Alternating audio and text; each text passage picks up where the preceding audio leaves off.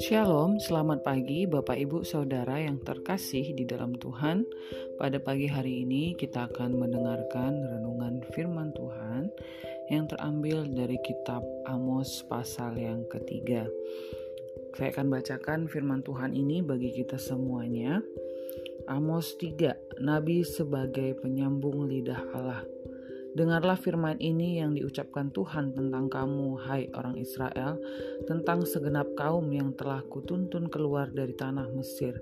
Bunyinya, hanya kamu yang kukenal dari segala kaum di muka bumi, sebab itu aku akan menghukum kamu karena segala kesalahanmu.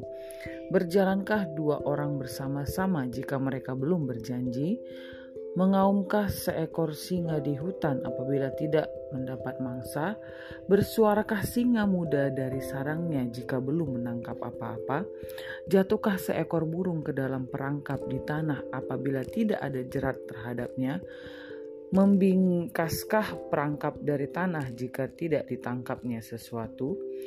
Adakah sangka kala ditiup di suatu kota dan orang-orang tidak gemetar? Adakah terjadi malapetaka di suatu kota dan Tuhan tidak melakukannya?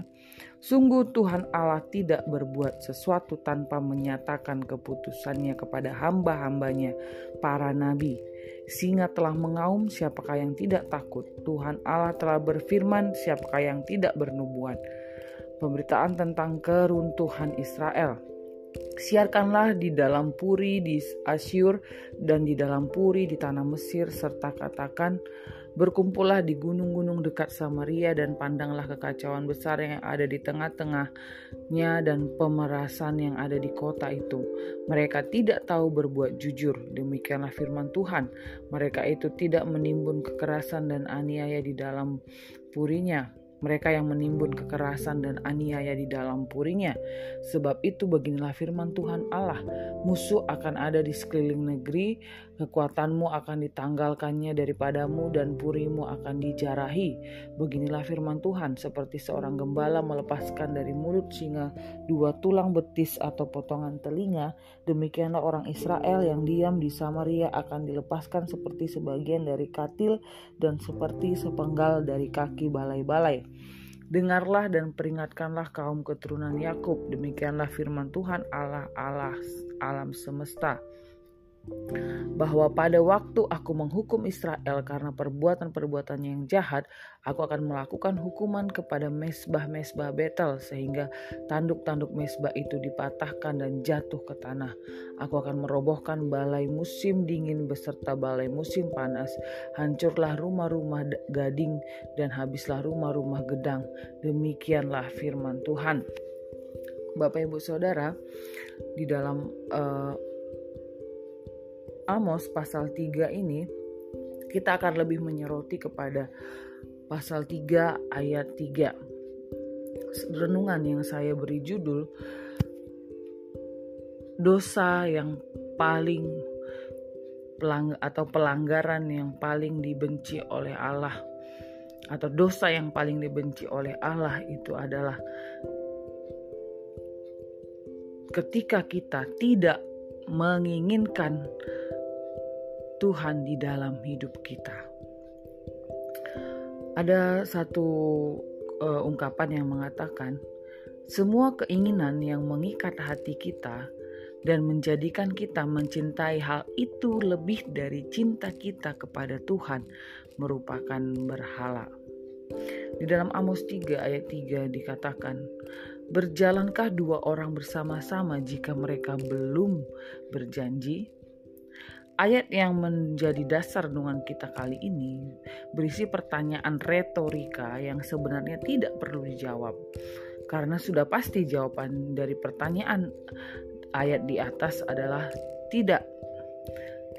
Sebelum masuk mengapa Amos memberikan pertanyaan di atas, kita lebih dulu harus mengetahui bahwa bangsa Israel sedang dalam keadaan yang nyaman dalam kehidupan yang aman, tentram, kehidupan yang baik-baik saja berdasarkan apa yang mereka miliki.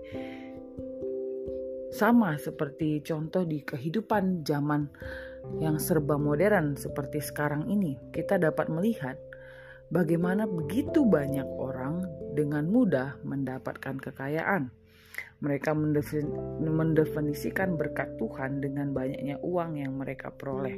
Ya banyak kita orang Kristen yang menganggap ketika melihat orang itu berkelimpahan secara materi, kita menganggap bahwa orang itu sedang diberkati Tuhan.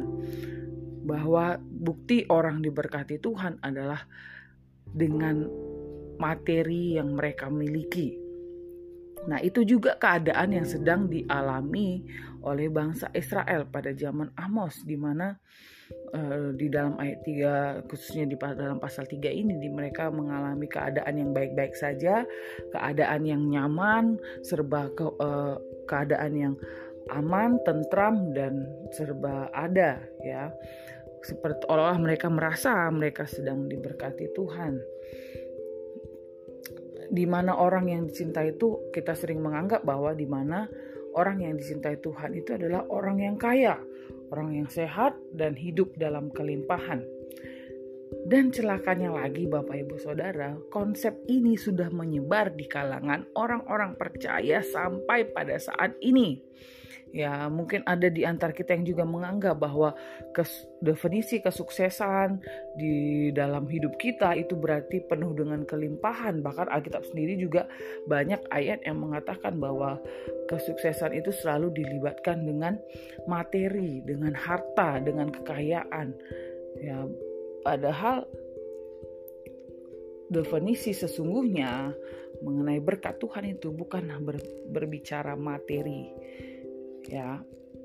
Dan uh, di dalam ayat ini karena keadaan yang melimpah seperti itu, keadaan yang baik-baik saja seperti itu, itu yang membuat bangsa ini mulai dalam tanda kutip melupakan Tuhan atau di dalam seperti judul yang saya katakan tadi, mereka mulai tidak punya keinginan untuk untuk datang kepada Tuhan seolah seperti tidak membutuhkan Tuhan, seolah-olah seperti tidak menginginkan Tuhan di dalam kehidupan mereka. Karena mereka menganggap kehidupan mereka baik-baik saja, aman-aman saja. Nah, ini definisi yang keliru yang terkadang menjadi prinsip kita di dalam hidup. Ya, dan itu salah sehingga Allah mengatakan di dalam pasal 3 ini bahwa Allah akan menghukum mereka. Allah akan meruntuhkan bangsa Israel. Karena apa? Karena mereka keadaan yang makmur seperti itu, berkelimpahan seperti itu, membuat mereka melupakan Tuhan, tidak menginginkan Tuhan. Hati-hati, Bapak Ibu Saudara. Jangan ketika kita dalam keadaan susah, ketika kita keadaan sulit baru kita ingat, oh Tuhan, Mengapa ini terjadi? Kita datang kepada Tuhan, kita berdoa kepada Tuhan. Tetapi apakah di ketika kita dalam keadaan kelimpahan, serba ada, kita ketika kita sedang pekerjaan kita baik, keadaan rumah tangga kita baik mungkin, keadaan kita baik-baik saja, apakah kita juga mengingat Tuhan di dalam kehidupan kita atau apakah kita juga menginginkan Tuhan hadir di dalam kehidupan kita? Apakah ada rasa ucapan syukur, berterima kasih bahwa apa yang saya miliki itu adalah miliknya Tuhan, itu adalah pemberian Tuhan, itu adalah anugerah Tuhan. Jadi, mari kita menjadi orang Kristen yang dewasa dalam segala keadaan. Mau kita di atas, mau kita di bawah, mau kita dikacau balaukan oleh uh, situasi, masalah, atau apa pun Mari kita punya gairah untuk selalu menginginkan Tuhan. Meng menginginkan Tuhan untuk selalu hadir di dalam kehidupan kita, karena Dialah yang utama di dalam kehidupan kita. Dia harusnya menjadi prioritas di dalam kehidupan kita, apa pun keadaannya. Ketika kita baik-baik saja, mari kita bersyukur kepada Tuhan. Ketika kita dalam keadaan sulit pun, mari kita bersyukur dan katakan, Tuhan engkau yang menjadi prioritas di dalam hidup saya. Amin Bapak Ibu Saudara. Kiranya firman Tuhan ini menjadi uh, teguran bagi kita atau peringatan bagi kita. Keadaan apa pun yang sedang kita alami, mari kita selalu mengingat Tuhan. Apalagi terlebih di dalam keadaan yang seolah semua baik-baik saja, aman-aman saja di dalam keadaan yang mungkin orang dunia katakan wah enak ya dia di dalam posisi itu sudah keadaannya baik-baik saja apa yang dia inginkan bisa dia uh, kabul apa yang dia inginkan bisa dia beli dalam keadaan yang uh, berkelimpahan apa pun keadaannya, ingat bahwa Tuhan yang menjadi prioritas kita. Dialah yang menjadi sumber kehidupan kita. Dialah yang menjadi sumber segalanya di dalam kehidupan kita. Amin ya Bapak Ibu Saudara. Mari kita jangan terlena hanya karena harta, terlena hanya karena jabatan, terlena hanya karena keadaan yang baik-baik saja, keadaan yang nyaman-nyaman saja sehingga kita mulai melupakan Tuhan. Ya, jangan seperti bangsa Israel, tetapi keadaan apa pun, sebaik apa pun keadaannya, senyaman apa pun, ingat itu adalah anugerah Allah. Dan dialah yang menjadi yang menjadi utama di dalam kehidupan kita. Jangan pernah memberhalakan apa pun benda, jabatan, pasangan, anak, apa pun kekayaan, pekerjaan, jangan pernah menjadikan berhala hal-hal yang demikian, tetapi jadikanlah Allah yang utama di dalam kehidupan kita. Puji nama Tuhan, demikian firman Tuhan yang datang bagi kita pada pagi hari ini. Mari kita selalu menginginkan Tuhan di dalam kehidupan kita. Mari kita berdoa.